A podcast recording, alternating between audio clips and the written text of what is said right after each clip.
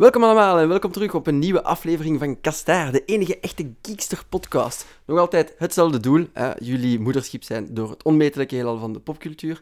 Uh, maar buiten dat hebben, moeten we eigenlijk starten met slecht nieuws, want we zijn uh, voor deze aflevering één co-host Anfie Armer. Um, ja, spijtig genoeg, haar PC heeft het begeven, compleet dood. En ze had ook eigenlijk een heese stem van Disneyland, maar dat was een bijzaak. De PC was toch wel heel, heel, heel dood. Dus Anfie kon er niet bij zijn. We, we doen haar de groetjes en uh, we hopen dat die PC snel beter wordt. We zullen zien wat dat ziekenhuis zegt. Maar voor de rest uh, blijven we nog altijd hetzelfde concept. Elke derde maandag van de maand gaan we eens een keer uh, zien wat dat er leeft in de sferen van tech, comics, films en games. En deze keer doen we dat nog altijd met ons expertenpanel met Niels. Jee. En Louis. Hallo. En Jeroen. Hoi, hoi. Uh, respectievelijk uh, de superhelden van games, de superheld van een beetje alles. En Jeroen eigenlijk ook, de superheld van een beetje alles. Jullie zijn echt wel super-experts. Maar daarmee kunnen we ongeveer alles coveren. Al weet ik niet wat jullie meegebracht hebben, want ik ben eigenlijk al benieuwd naar jullie nieuwstopics. Klaar? Dan gaan we erin vliegen.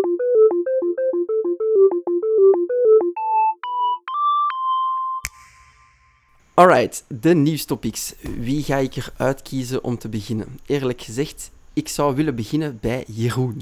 Gewoon omdat ik je graag op de rooster leg. graag. Um, het nieuwstopic waar ik graag over zou babbelen, dat is de nieuwe Magic the Gathering set die er binnenkort aankomt. Mmm, juicy. Ja. Op 3 mei komt War of the Spark uit. En War of the Spark is eigenlijk een beetje voor Magic the Gathering wat Infinity War voor het Marvel Cinematic Universe was. Holy. Dus alle timelines colliden of zo? Of? Ja. Dus um, Magic the Gathering, je weet het of je weet het niet, is een ruilkaartspel, maar er zit ook een verhaal achter. En al een tijdje volgen we een groep planeswalkers, dus tovenaars die over verschillende dimensies kunnen reizen, in hun avonturen. Dat is dan de groep The Gatewatch, en die kun je eigenlijk het best vergelijken met de superhelden. Dus iedere set heeft wel enkele planeswalkers die op de voorgrond treden. Ja, um, ieder verhaal heeft ook een bad guy, uiteraard, anders zou het vrij saai worden. En dat is voor Magic the Gathering al een hele tijd Nicol Bolas. En dat is een planeswalkende draak. En dat is eigenlijk een van de oudste planeswalkers die er zijn. En um, hoe heeft hij je mispeuterd? Goh, dat heeft hij nog niet gedaan. um, in de afgelopen sets heb je veel van zijn kleine schemes gezien. Dus in één set in Amonkhet heeft hij een, een zombieleger op de been gebracht. Uh, Niet cool. Ixalan heeft hij een krachtig artefact gestolen dat Planeswalkers op één wereld vastzet. Um, op Kaladesh heeft hij technologie gestolen voor een plenaire brug te maken, dus een brug tussen verschillende werelden waarmee hij dan waarschijnlijk zijn zombieleger gaat uh, transporteren. De ultimate bad guy, echt. Effectief, effectief. Um, de kerel is ook al vrij lang een vaste waarde in het spel. Ik geloof dat hij zijn eerste kaart waarop hij staat gekregen heeft in 1994 in Legends. Um, dan is hij een hele tijd afwezig geweest, tot hij in Time Spiral in, moet ik even denken, 2006 uh, terug is opgedoken. Magic had op dat punt niet echt een grote bad guy. Maar eigenlijk al vrij snel is hij zich zo gaan profileren als zo de, de mastermind behind alles. Mm -hmm. Maar nu de Juicy Bit, waarom ja. is die zo belangrijk in die nieuwe expansion? Um, je moet weten, Planeswalkers, um, sinds het begin van Magic zijn dat eigenlijk zo'n beetje tovenaarsgoden geweest. Dus die konden alles doen. Die konden werelden creëren of beëindigen met zo'n vingerknip, dat soort toestanden. Uh, maar in de lore is daar ergens een evenement geweest dat ze allemaal serieus heeft gedepowered. En nu is Nicol Bolas een plan om terug zijn vroegere kracht te heroveren. Mm -hmm. Daar heeft hij dan zo die plannetjes allemaal op poot gezet. En nu komt dat allemaal um, tot een culminatie op Ravnica. Toevallig ook wel de meest populaire setting van Magic-spelers. Dus het heeft wel alles voor een, een absolute bestseller te worden. Uh -huh. um, dus zijn plan gaat daar ten uitvoer gebracht worden en de planeswalkers van de Gatewatch gaan hem proberen te stoppen. Nice. Nu, en, nu en hoe... er... Zeg maar, zeg maar. Ehm, nu is er op Ravnica ook een baken geactiveerd. Dat eigenlijk van heel het multiversum Planeswalkers naar daar gaat lokken. Dus wat we eigenlijk gaan zien, is één grote Planeswalker-oorlog. Waar al die Planeswalkers proberen Nicol Bolas te stoppen. Of hij heeft ook wel zijn, zijn minions om hem te helpen. Ja. En wat er nu speciaal is aan War of the Spark, dat is eigenlijk een set die dan zich focust op Planeswalker-kaarten. Planeswalker-kaarten zijn doorgaans eh, zeldzaam, zitten op Mythic Rarity. Um, en iedere set heeft er zo twee, drie, het zijn er heel weinig per set. Mhm. War of the Spark gaat er 36 hebben. Oef. Nice. En iedere booster, iedere booster gaat minstens een Planeswalker bevatten. Wow, wat betekent dat voor de meta? Ehm, dat is eerlijk gezegd niet te voorspellen. Het is, eh, Holy shit. Ja, ik kan het is- echt niet zeggen. Ehm, wat je wel al ziet, je hebt zo'n paar kaarten die Planeswalkers hozen. Eh, je hebt zo één kaart die zegt van activated abilities van Planeswalkers kunnen niet gebruikt worden. Mhm. Die is nu echt al eh, massa's in prijs aan het toenemen. Dus mensen anticiperen er wel op. Ja. Ehm, maar het is echt het- heel moeilijk te voorspellen wat het gaat geven. De bedoeling is het dan dat... Ik veronderstel dat mensen eh Planeswalker 1 of misschien maximum 2 in hun deck meepakken. Is het om misschien meer variatie te geven in soorten Planeswalker waarmee dat je je deck kunt supplementen? Die- Ehm, Planeswalkers zijn utility in die zin dat ze eigenlijk herhaaldelijke effecten op hun kaart hebben. En je kunt ze eigenlijk, ze zijn permanent, dus ze zijn permanent aanwezig aan uw kant van het slagveld. Mhm. Dus het zijn eigenlijk eh, spreuken die je iedere beurt opnieuw kunt activeren. ja. Dus in die zin is het meer utility dan. ja, die zijn duur wel, veronderstel ik. eh, er zijn er heel goedkoop. Het hangt echt van de effecten af die ze hebben. Ah, oké. Ehm, Maar je zou dus in theorie een deck van 40 eh, Planeswalkers kunnen samenstellen en call it a day, of wat? Eh, ja, met de juiste proportie van eh Planeswalkers en mannen, land. Maar je, kunt in principe... Ja, voorlopig is dat, heeft dat nog niet gegaan, omdat er maar zo weinig zijn. Mhm. Maar je kunt dus een deck maken van volledig Planeswalkers binnenkort. Lijkt mij wel. Dat is pretty sick. En gaan ze dat ook overbrengen naar Magic Arena? Of komt dat later uit de set daar? Ehm, ik geloof dat de set daar zelfs een paar dagen voor de pre-release uitkomt. Ehm, de set komt uit op 3 mei. Dus dan komt de pre-release een week op voorhand. En normaal gesproken gaat Arena, als ik het goed heb, twee dagen of zo er, ervoor komen. Mhm. Dus je kunt al beginnen oefenen met. Virtuele knakkers. Ja, ja. Ah, nice, nice, nice. En eh, denk je dat je naar de winkel gaat lopen om ze allemaal te hebben? Of? Ik ga het ganse weekend pre-release spelen en ik ga voor het eerst sinds lange tijd waarschijnlijk nog eens een boosterbox kopen. Want Mm. Oh my. een, een Planeswalker in ieder pakje, dat is wel. Allee, ik, ik, ik verzamel die dingen, weet je. Dus En een boosterbox, dat is een pak met hoeveel boosters? eh 36. Dus met een Mm. beetje chance heb ik ze allemaal. Sweet, sweet openings. Zeg maar, ik vraag me dan eigenlijk iets af over het... eh, met dat gezicht van het verhaal, hoe verloopt dat dan eigenlijk als je, die, als je dat moet vertellen op kaarten? Zet je dan... Doet je 36 boosterpacks open en zet je ze in volgorde om het samen te puzzelen? Of... Ehm, ook daar is in Magic al redelijk wat verandering geweest. Vroeger waren er ook effectief Magic boeken, hè, dus eh, novels. Mhm. En die kwamen dan bij het Fatpack, dus je had ook een product, daar zaten dan een stuk of zes boosters in en een boek. Eh, met die boeken zijn ze gestopt. De laatste tijd vertelden ze hun verhalen vooral via de website met short stories. Mhm. Ehm, en pakweg vijf kaarten per set zijn gemarkeerd als storyline, spotlight, stories, storyline spotlights. Eh, met daarin de belangrijkste gebeurtenissen van het verhaal van die set. Dus op basis van de kaarten krijgt het verhaal wel mee. Het volledige verhaal krijg je van de website. Ehm, nu voor War of the Spark gaan ze ook de boek terugbrengen. Ah, oké.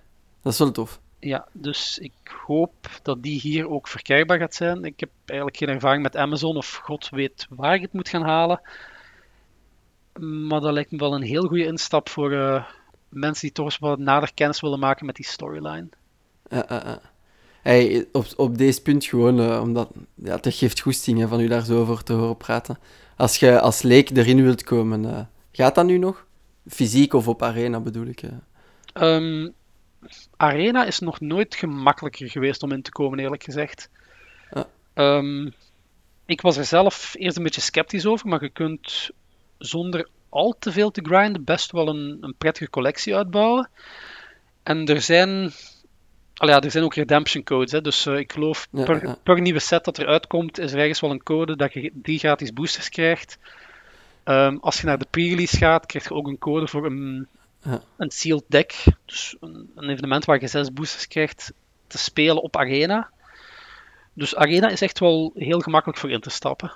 Ja, ik bedoelde het eerder omgekeerd, maar ik heb mij misschien niet goed uitgedrukt. Van, dat als je Arena een- naar... eh, Nee, nee, nee. Als je een nieuwe speler bent, met de tonnen kaarten dat er zijn, vinden daar je weg in als, als leek. Zo van, hoe stel ik een deck samen? eh, want ik veronderstel dat er nu wat 10.000 verschillende kaarten zijn of zo. Ehm, klopt, maar er zijn ook heel veel verschillende mogelijke spelformaten in Magic. Hè. Dus ehm, er zijn inderdaad al kaarten sinds dat het spel bestaat, dus wat is het, 92. Maar het voornaamste formaat dat gespeeld wordt is standaard. Mhm. En daar worden eigenlijk alleen maar de kaarten van de afgelopen paar sets gebruikt. Ah ja, oké, oké. Ehm, toevallig, als je Arena speelt, zitten daar momenteel ook alleen maar standaard kaarten in. Ah ja. Dus in principe, Alles. alles wat je op Arena speelt, zou je in het echt ook kunnen spelen. Ja, je moet niet Ehm, teruggrijpen naar stokoude ongeprinte kaarten. eh. Nee, nee. Black Ehm, Lotus is band. bestaat zelfs nog niet in Arena. Ehm, voor oudere formaten, zoals Legacy en Vintage, die eigenlijk bijna niet meer gespeeld worden, gaat de set weinig relevant zijn, vermoed ik. Dus nieuwe spelers moeten zich daar weinig van aantrekken. Ja. Modern gaat een beetje zien zijn, maar het tweede voornaamste formaat is eigenlijk eh, sealed of limited. Dus kort gezegd, je gaat naar de winkel, je schrijft je in voor het evenement en iedereen krijgt zoveel boosters. Met die boosters maakt je een deck of je draft en met die inhoud, dus met de kaarten die je in de winkel krijgt, maakt je een deck. Ja, dat is wel, dat is ja, voordeel, je moet er geen massa's geld in investeren. Je- het is geen pay-to-win, zo gezegd. Mhm. Ehm, nadeel, voor zover dat een nadeel is, je moet echt wel al een beetje deftig zijn. Wilt je veel kunnen winnen. De spelers die daar al lang spelen, die meer ervaring hebben, die hebben een voetje voor. Ja, ja, ja. Maar aldoende Hier. leert men natuurlijk. hè. Mhm. Ah, nice, nice, nice. Ah, het is 3 mei komt dat uit eh, Ja. in de winkel. Dan, eh, ja, aan alle Magic-fans, eh, die gaan waarschijnlijk al eh, in de startblokken staan om dat te gaan halen. Dat is misschien Denk- nog wat vroeg. Ik denk het wel. Ehm 3 mei ligt het in de winkel, maar het weekend van 27 april zijn de pre-releases dus al. Dus dan kun je eigenlijk een week voordat het in de winkel komt, al met de nieuwe kaarten gaan spelen. Ja, dat, eh, dat, dat pleziertje gaan we niet ontnemen. Alright, zeg, ik ben benieuwd hoe dat... eh houd ons op de hoogte hoe dat die Planeswalkers eh, uitlopen en wat dat, dat gedaan heeft met de competitive meta dan. Of dat iedereen nu gewoon met full Planeswalker army afkomt of niet. Hopelijk niet volledig vernietigd. Ik ben wel benieuwd. Zo eigen categorie, zo Planeswalker College gewoon. Ja, het zal lachen zijn. Enfin, anyway. Moving on. Volgend slachtoffer. En dan ga ik kiezen voor Louis. Oh nee. Haha. Help! Nee, eh, wat is uw nieuwstopic van de week? Allee, ik heb het al een beetje gehoord en ik ben eigenlijk benieuwd en psyched om te horen hoe het verlopen is. Zeg het eens. Ik weet nu niet of dat echt eh, nieuws te noemen is, maar ik heb mij een elektrische stip gekocht. Al een eindje geleden eigenlijk. En heb daar een review voor geschreven voor Tandemtech. Je weet wel, dat ambetant broertje van Geekster. Ze Ehm, zijn er niet. Ah, we kunnen een beetje roddelen dan. They Nee, ehm. They find a way. Ze luisteren wel, ja, dat is het probleem nog. Dat is voor later de kast allemaal. Dat zullen we- Ik heb dus, dus een review geschreven over mijn nieuwe Xiaomi Mi Electric Scooter. Een hele lange naam om eigenlijk gewoon te zeggen een elektrische step. Waar ik heel tevreden van ben ook. Ehm, dus ja, wa- wat het probleem dat het eigenlijk moest oplossen was, ik kwam nogal klam en een beetje bezweterig toe op mijn werk van het fietsen. We gaan het eh, op de harde wind en zo steken in, Oostende. Dus ik dacht van, dat moet anders op te lossen zijn. En dan is naar Antwerpen geweest bijvoorbeeld en daar zo'n buurtstep geprobeerd, die deelsteps.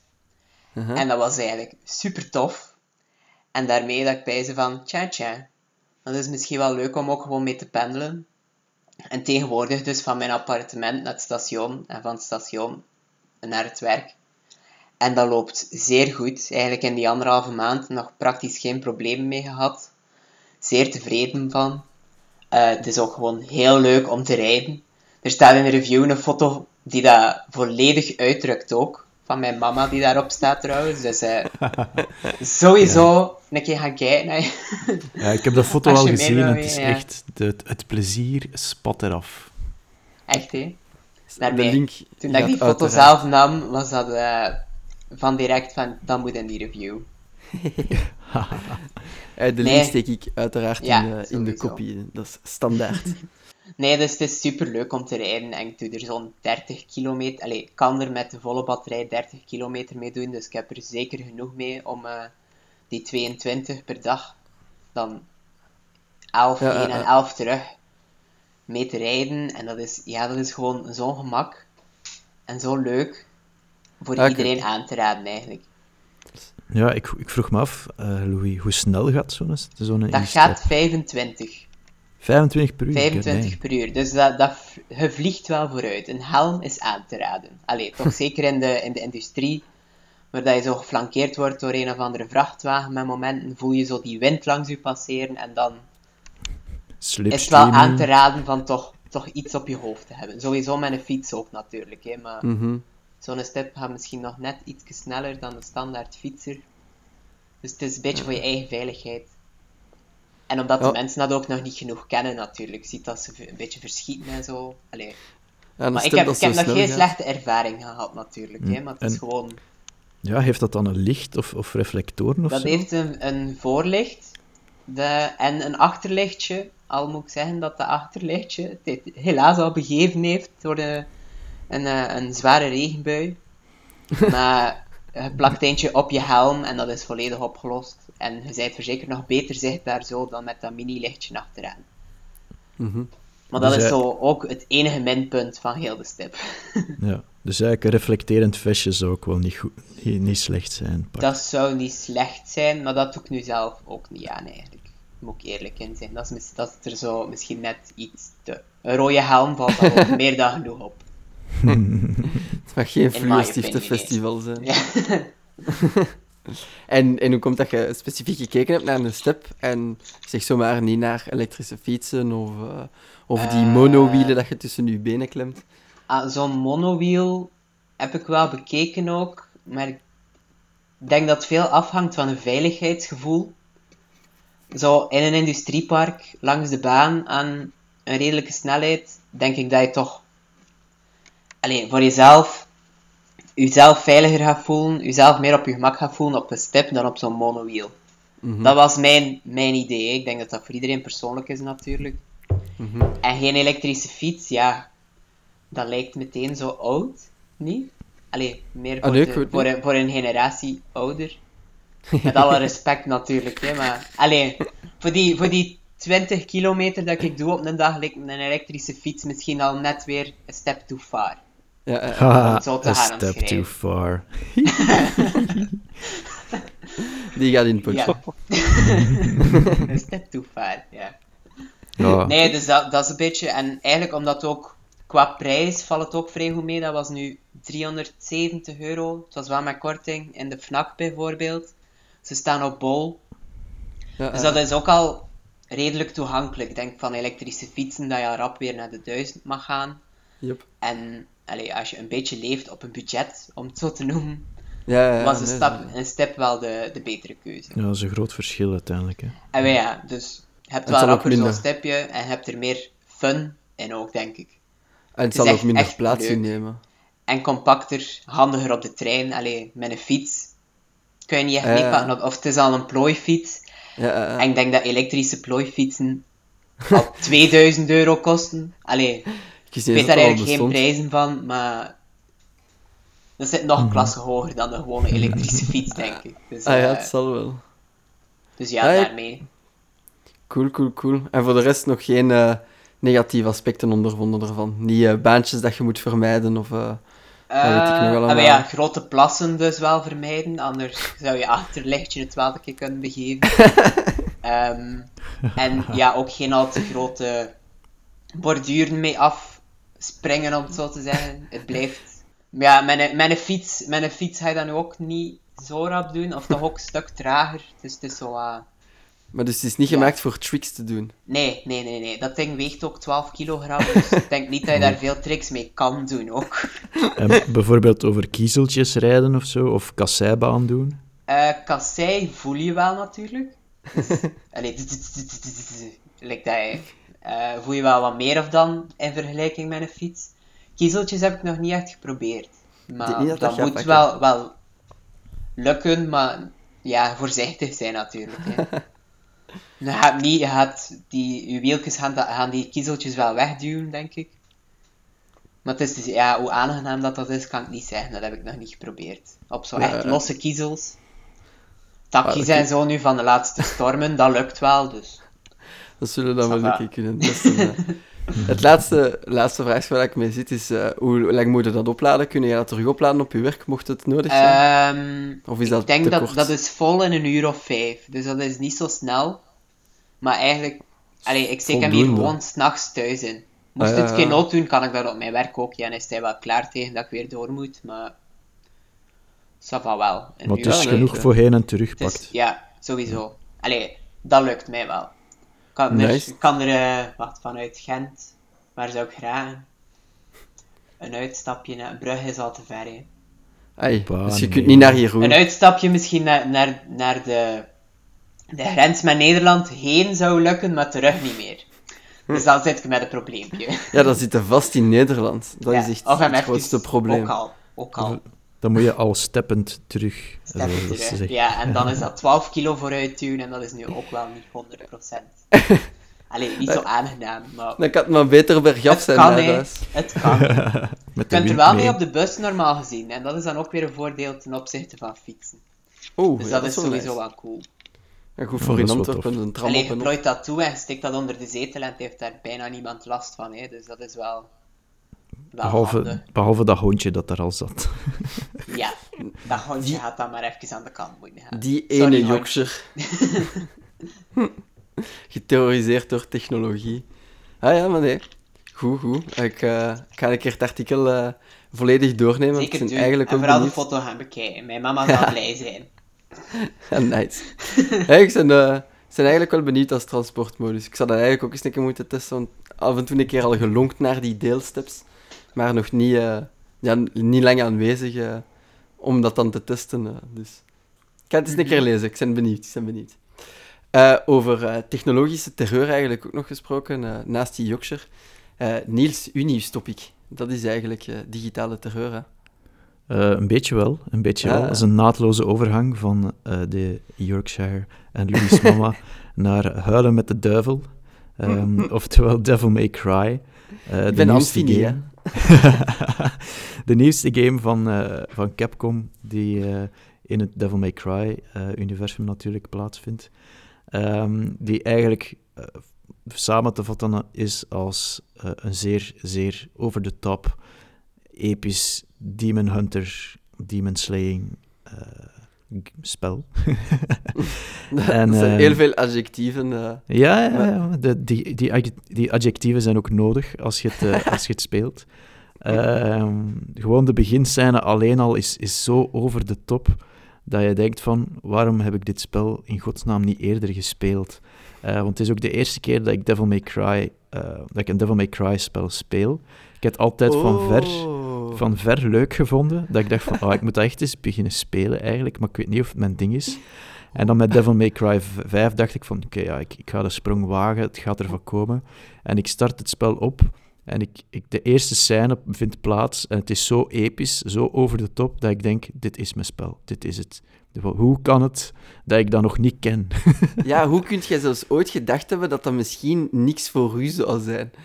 Ik bedoel, dat, dat, is, dat, dat staat echt op je lijf geschreven, die serie. Ik wist niet dat je dat nog niet getest had. Ja, Oh, maar ja, oké. Om, eh, om de luisteraars ook een beetje een idee te geven over wat voor soort scène dat het gaat. eh, misschien moet ik een spoiler alert er, ergens zetten voor de mensen die het niet willen horen. Of, eh, ik weet niet, Jason, wat jij vindt.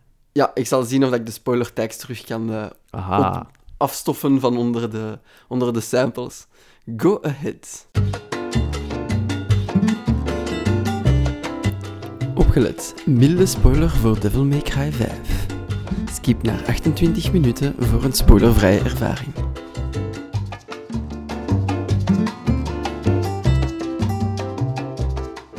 Dus de, een van de eerste scènes in Devil May Cry, het, een van de eerste zichten die je ziet, is dat je met het hoofdpersonage Nero uh, in de Niet auto Dante. zit.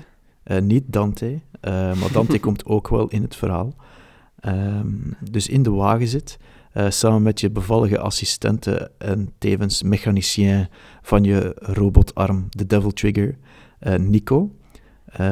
die eigenlijk een, een ja, die, die, in, die, in die wagen gewoon de bestuurster is ook zo. En, en, en, de, en de wagen is ook eigenlijk de, de stopshop waar dat alles kan gemaakt worden, maar dat is een detail. Dus Ja. ze zitten samen in de, in de wagen uh, en er is een demon invasion gaande in de stad. Uh, en de eerste scène is letterlijk dat ze een paar demons compleet omver rijden. Mhm. Eigenlijk echt gewoon onder de wielen smakken. Uh, en dan komen ze bij natuurlijk een opstopping van heel veel demonen, waar uh, Nico ineens uit het niets beslist van oké, okay, dat zijn veel demonen, dus ze doet de, de, de bestelwagen na, naar de kant, waardoor dat die kantelt. Hè, dus eigenlijk een flip, een flip doet. Uh, en Nero had natuurlijk geen gordel aan, want dat doe je dan als Demon Slayer. Uh, en die vliegt uit het raam. En in slow motion schiet hij elke demon in die, in die scène compleet aan gort op die nieuwe soundtrack van Devil May Cry 5, die ook echt heel goed is. Zo van bang, bang, bang, pull my devil trigger. En in slow motion schiet hij gewoon, denk ik, 17 demons kapot. Om dan weer met een perfecto salto mortale te eindigen in zijn stoel, in die wagen, die dan perfect weer op zijn vier wielen terechtkomt. En waarin ze dan samen gewoon tot stilstand komen en remmen en constateren dat alles al teleurstellend dood is. dat was echt prachtig.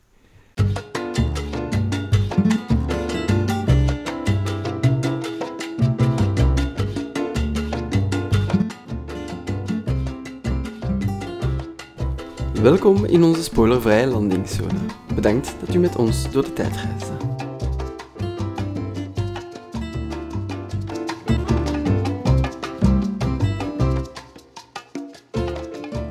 Maar uh, dat klinkt wel als Devil May Cry, alright? Dat is uh, zoals ik het mij ook herinner van uh, de vorige episodes. Ja. En je hebt nu de volledige versie voor review. Ja, ja, ja, dus uh, ik heb nu de volledige versie. Ik ga die ook reviewen voor Geekster, dus daar ben ik nu mee bezig. Uh, een van de leukere dingen voor een nieuwe speler zoals ik, die nog nooit Devil May Cry gespeeld heeft en die zo wat in het verhaal moet komen, kan is ook. iets dat... Uh, dus in de main menu is er een optie History of DMC. Hm. History of Devil May Cry. En als je dat selecteert, komt er eigenlijk een cinematic van, ik denk, een kleine 10 minuten, die eigenlijk de grote plotlijnen van de voorbije games allemaal uitlegt. Waardoor dat je direct helemaal mee bent. En ik vond dat gewoon zo geniaal gedaan, zo simpel voor een nieuwe speler, om, om dat, Dat direct op te pikken. Ik vind dat echt meesterlijk gedaan van Capcom. Dat is wel nice dat, dat ze zijn eigen YouTube-kanaal ingebouwd heeft. Ja, ja, echt wel tof. En heb je die nodig voor dit spel? Of is dat gewoon zo'n leuk extra? Nou, het, is wel, het geeft wel veel context van uh, aan een, welke, met welk personage speel ik eigenlijk. Wie is die een Nero? Uh, waarom, waarom is Dante een old dude? Uh, dat beantwoordt gewoon allemaal vragen die, zo, die je zou kunnen stellen als je het spel begint. Uh, en dan heb je natuurlijk de core gameplay die echt puur Devil May Cry is, die dan gewoon combo's, combo's, combo's, combo's en uh, dingen kapot slaan. Om een heeft... SS-rank te hebben. Dat heeft weinig te maken met het verhaal, natuurlijk. Ja, ja, ja, het is gewoon dingen kapot slaan op de meest epische manier, in slow motion. Ja. het is nog altijd ook met een uh, combo-systeem van zo weinig mogelijk je moves te herhalen, dat je zo stylish mogelijk bent. Ja, ja, ja. ja. dus uh, dat wordt echt... Altijd hetzelfde doen wordt zeer hard afgestraft. Uh, dus je moet altijd verschillende knoppencombinaties doen en combo's. Uh, en er zit hoort, uh, timing op de verschillende buttons die je kunt inputten voor verschillende combo's te doen. Dus je kunt eigenlijk, als je in het wilde weg wat begint te button mashen, doe je altijd iets anders. Ah, oké. Een soort Eddie Gordo uh, controller scheme. Ja, boeja. um, maar uh, dus je zegt van, ja, je start met Nero. Hij had al een idee van uh, wanneer Old Dante erbij komt. Want voor longtime fans, zoals mezelf dan, uh, dat zou natuurlijk... een, een, major plot spoiler zijn, dus dat ga ik, dat ga ik nog niet delen. Nee, nee, niet, niet zo wanneer, maar na hoeveel uur of unlockt ah, je die of is dat bonus? Uh, je unlockt die, of ik denk, ik, ja, je moet eigenlijk gewoon de missions doorspelen en dan is die automatisch speelbaar. Ja. Uh, want ze hebben al de character highlights ook in de dagen vooraf eigenlijk getoond. Dus je kan met Nero spelen met zijn robotarm en zijn uh, motorzwaard. V die mm -hmm. met zijn demon pets speelt. En dan natuurlijk Dante met zijn twin guns. wat ook wel geniaal is. Dus dat, is, dat komt er sowieso aan. Het spel is gewoon super strak. Het laat heel snel. Um, het ziet er ook echt super mooi uit, in tegenstelling tot Jump Force, wat echt abominabel was, bijvoorbeeld. Um, dus echt, Capcom heeft een verschrikkelijk goed jaar achter de rug. Um, ook met, uh, het voorbije jaar eigenlijk is voor Capcom alleen maar high, high rollers geweest. Je denkt Resident ja, Evil, Monster Hunter World, echt goed bezig. Um, dus echt, ja, het tip naar, uh, naar de mannen van Capcom. Ja, uh, uh. Ah, goed. Uh, de idee dat hij in de rekken ligt voor het gewone plebs? Uh, het ligt al in de rekken, uh, sinds vorige vrijdag. Kijk eens aan. Hmm. Maar ja, mm, mm, mm. ik ga er nog niet achter gaan, want ik, moet, ik moet Sekiro hebben. Ja, ik, Shadows Die Twice. ik moet mijn juices sparen daarvoor. Maar dan ga ik die daarachter wel sowieso kassen. Al was het maar eh, om te weten hoe het uh, met die, pers die, personages afgaat. Want die DMC-reboot, die kon ik niet al te, al te goed pruimen eigenlijk. Eh. vond dan nee. DMC 4 toffer. Mm -hmm. Mm -hmm. um, maar ze hebben eigenlijk een beetje rekening gehouden met alle negatieve kritiek die daaruit voorkwam. Mm -hmm. En dan daarop eigenlijk verder gebouwd. Um, voor deze game. Dus eigenlijk een, een culminatie van alle goede dingen minus de slechte dingen van de vorige. Dus, ja, uh, uh, dat is wel tof. En kan de camera nu ook wat mee eigenlijk? Dat is misschien nog een cruciale vraag bij dat genre games, voor, voordat we dat afsluiten. Uh, de camera is een van de puntjes waar je aan moet wennen, ik ga het zo zeggen. Het is niet meer game-breaking slecht, ehm, maar het is zoiets van, ah ja, oké, die camera draait niet meteen mee, dus ik moet met mijn inputs er rekening mee houden. Dus ja. dat is het zo'n beetje. Beetje worstelen met de camera. Ja, ja, ja. ja. As you do. De good old Nintendo 64 days. dat is wel heel ver terug. Ik weet niet of ik dat dan nog positief kan noemen. Als het een Lucky 2-camera is May Cry.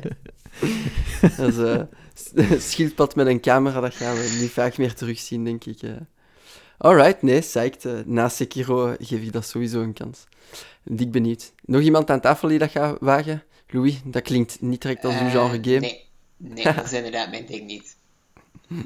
Nochtans, stylish combo's. Wat, het doet me ook wel soms denken een beetje aan Bayonetta, hè. dus het is eigenlijk, uh, heeft daar veel dus, van weg. Klak hetzelfde uh, genre. iets meer Lovecraftian. En dat, dat, dat vind ik wel tof. Angels versus Demons hebben ze graag ook. Uh, ja. Maar uh, wel een kleine rechtzetting. Bayonetta heeft het van Devil May Cry. Gewoon voor de zekerheid. Anyway, dan kunnen we dat uh, afsluiten, denk ik. En dan is het tijd om naar ons debatonderwerp te gaan. Iedereen akkoord? Zeker. Yes, yes. Olé, yep. full house. Ah, wel, en het debattopic uh, voor uh, deze aflevering is een uh, softer debattopic. We gaan elkaar niet in de veren vliegen. Maar het sluit wel nauw aan op de gamosferen. Want bij Microsoft zijn ze iets aan het beramen. En meer bepaald het gerucht, hè, want er zijn nog geen uh, concrete zaken, maar dat uh, de Xbox Game Pass zou komen naar de Switch.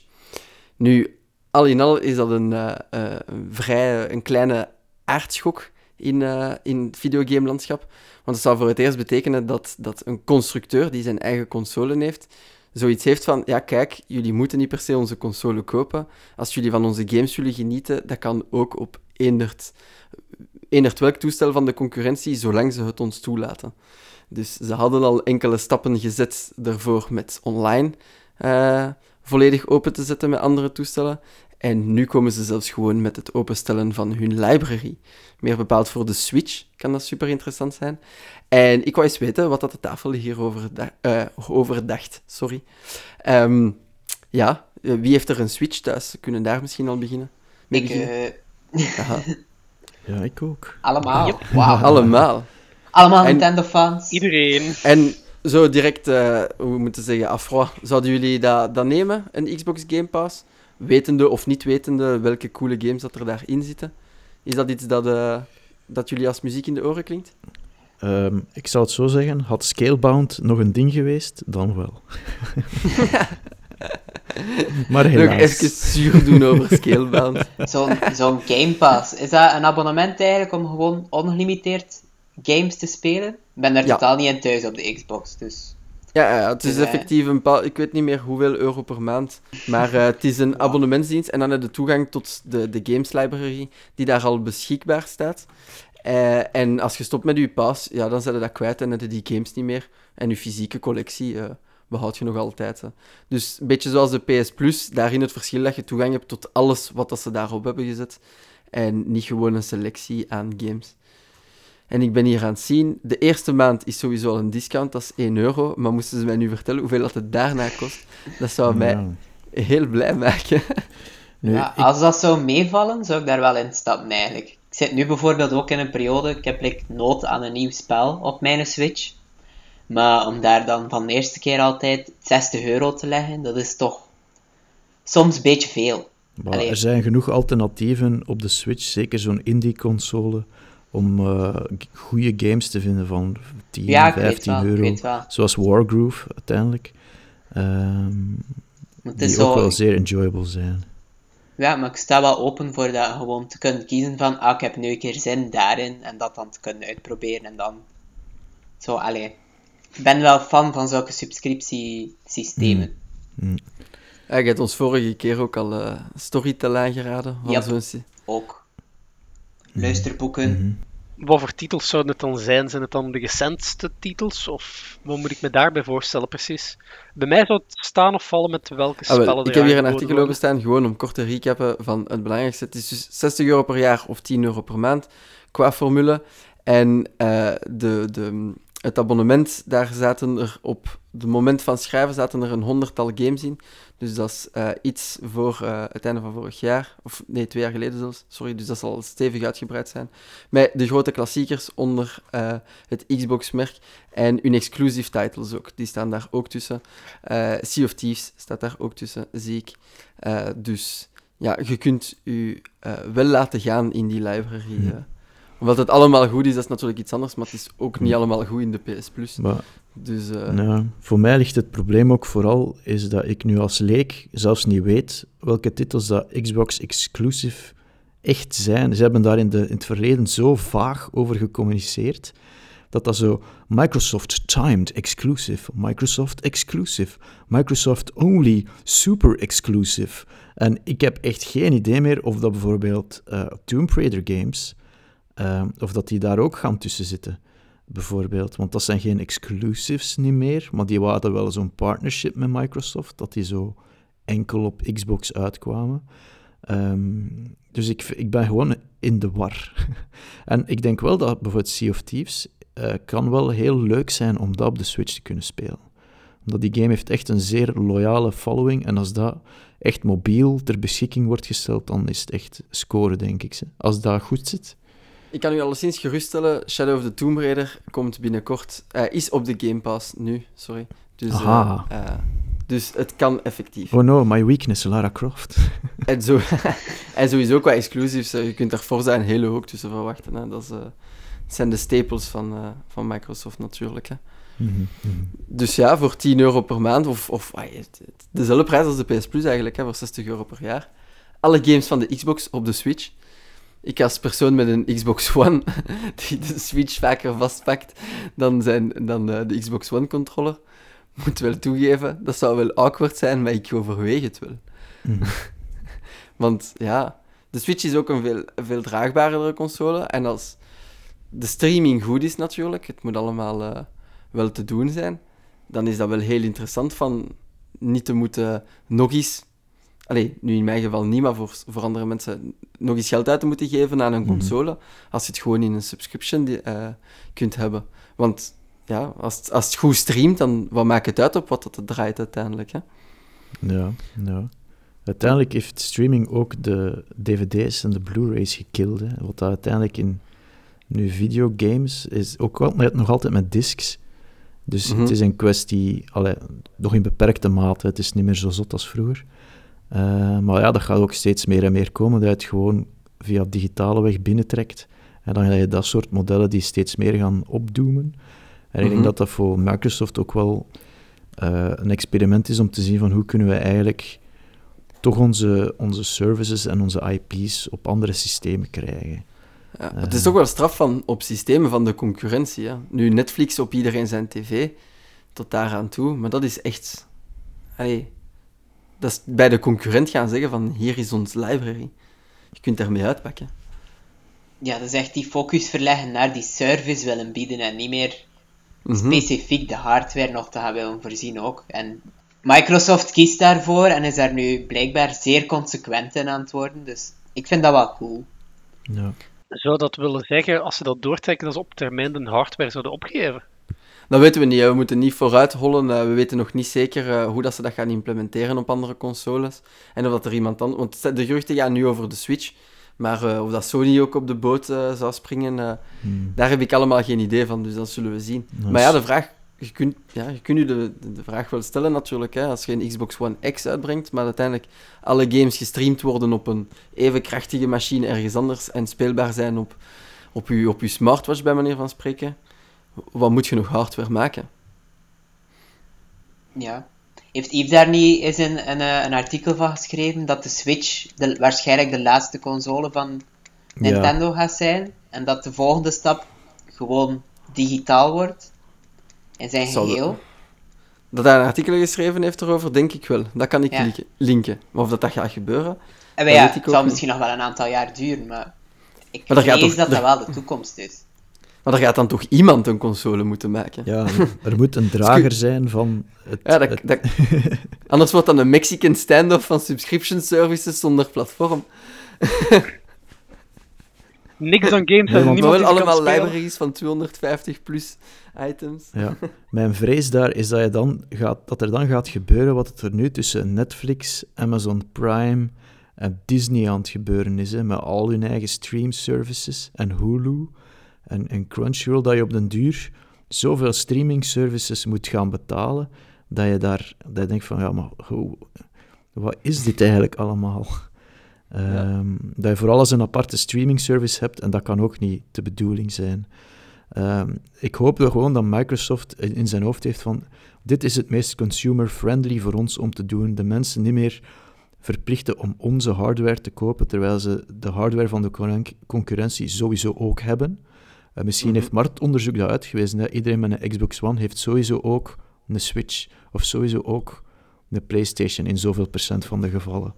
Heeft Eh, er nog geen Switch ook ondertussen? Ja. Mm. Er zijn Bij mensen Switch, als, Buy als dat het geval is. Sw- Hm, Ja, Switch. na Pokémon zal iedereen er wel in hebben, denk ik. Ja, Sword and Shield en, en de Hidden Pokémon Gun. Zo grappig dat er een nieuwssite in Mexico die internet rumor voor waar Ja. aannam en dat dan gewoon in print zette. Drie games aangekondigd. Wauw. Maar eh, back to focus. eh. Nee, ja, eh, we zaten van dat de Switch... ja, als alle Xbox-users een Switch hebben of nog geen Switch hebben, of dat het dan wel de moeite is om dan nog effectief te gaan kijken naar andere consoles. Ik vraag het mij gewoon af, ik ben zo luid op aan het denken, dat als die, als die service overal opkomt, waarom nog op een console van iemand? Waarom dan niet gewoon op mijn smart TV?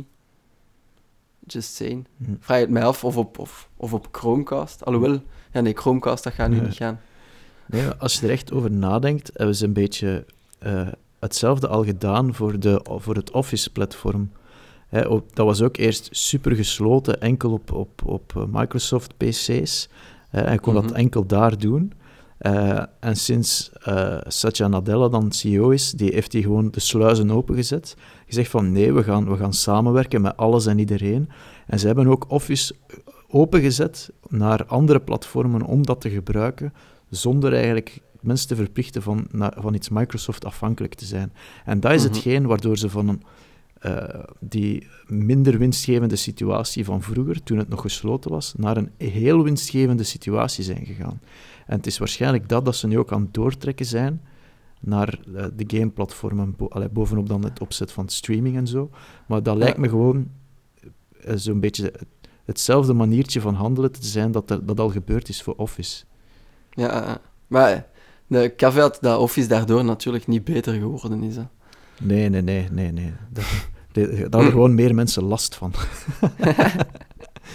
ja, als dat dan ook gebeurt met hun, uh, met hun Game Pass. Allee, als de streaming niet op punt is. Want uiteindelijk het technisch aspect moet ook nog, uh, moet ook nog ondersteund worden. Hè. Kun je dat dan overal doen of moet je echt een goede, goede wifi-connectie hebben? Want allee, ja, in de Ja, Switch ja. kun je zelfs geen... Kun je daar zelfs een bekabelde internetaansluiting voor maken? Nee, hè? Ehm, Eh, denk het wel. ja, mits een, mits een, eh, een eh, klein adapterke. Ja, Eh, ze hebben dat verkocht voor, de, s- voor Smash. Voor Smash, eh, voor die verbinding beter ja. te maken. Hè. ah, ja, oké. Wel, ik, ik hoop dat dat werkt, want anders steekt dat kabel er vrij lullig in die van mij. Kom, Jeroen. Eh, ah ja, nee, oké, sorry, dat wist ik niet. Eh, maar ja, van, als het enkel zo goed zou werken eh, als je aangesloten bent op de kabel of wat dan ook, daar ben ik ook nou, natuurlijk benieuwd naar.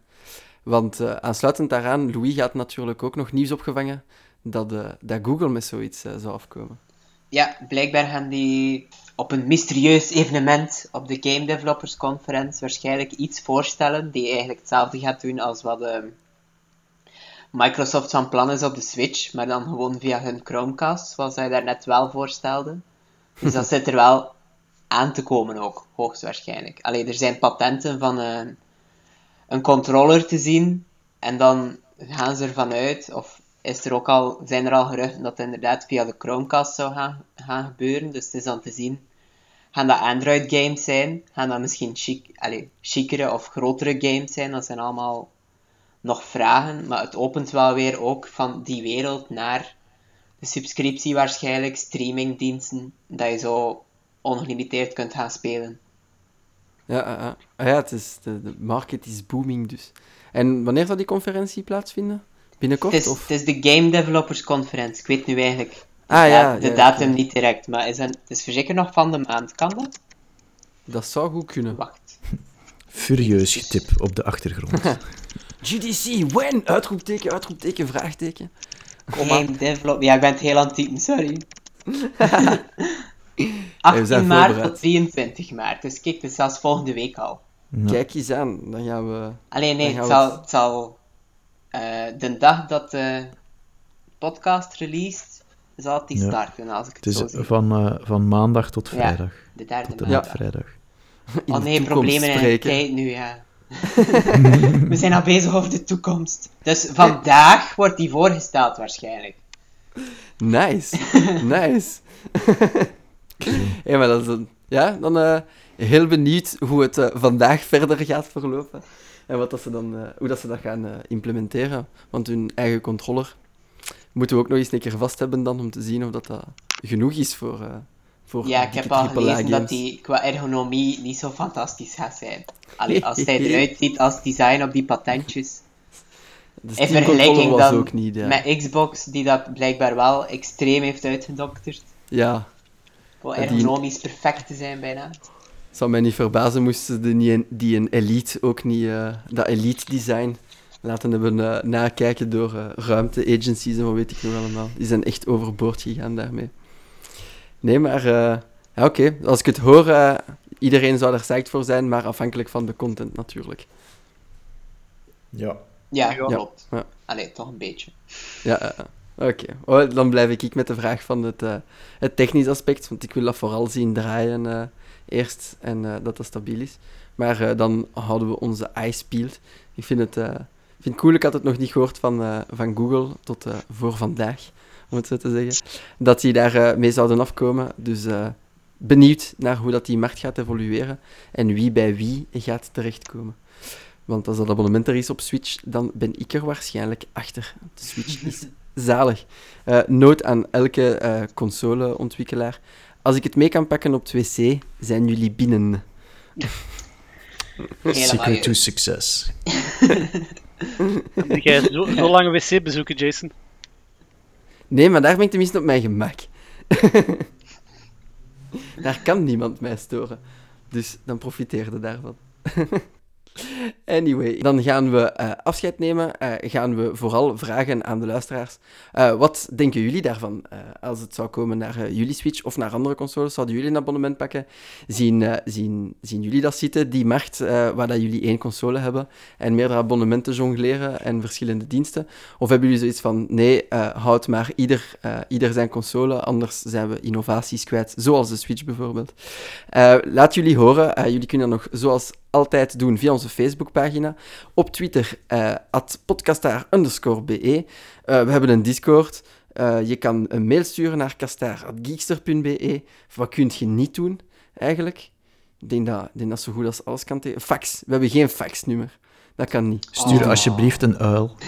Ik wil een uil. De uil ga, We kunnen wel nog een e-mailadres van een printer meegeven, moesten ze dat echt willen doen.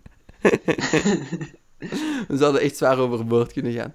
Maar uh, hopelijk hebben jullie er dus van genoten. Laat ons weten wat jullie ervan vonden. Kritiek, feedback mag ook naar diezelfde adressen gestuurd worden. En uh, dan uh, horen jullie of zien we jullie graag terug in een volgende aflevering. Merci aan het panel dat jullie erbij waren. En ciao, ciao, ciao iedereen. Tot de volgende keer. See you later. Salutjes. Dag.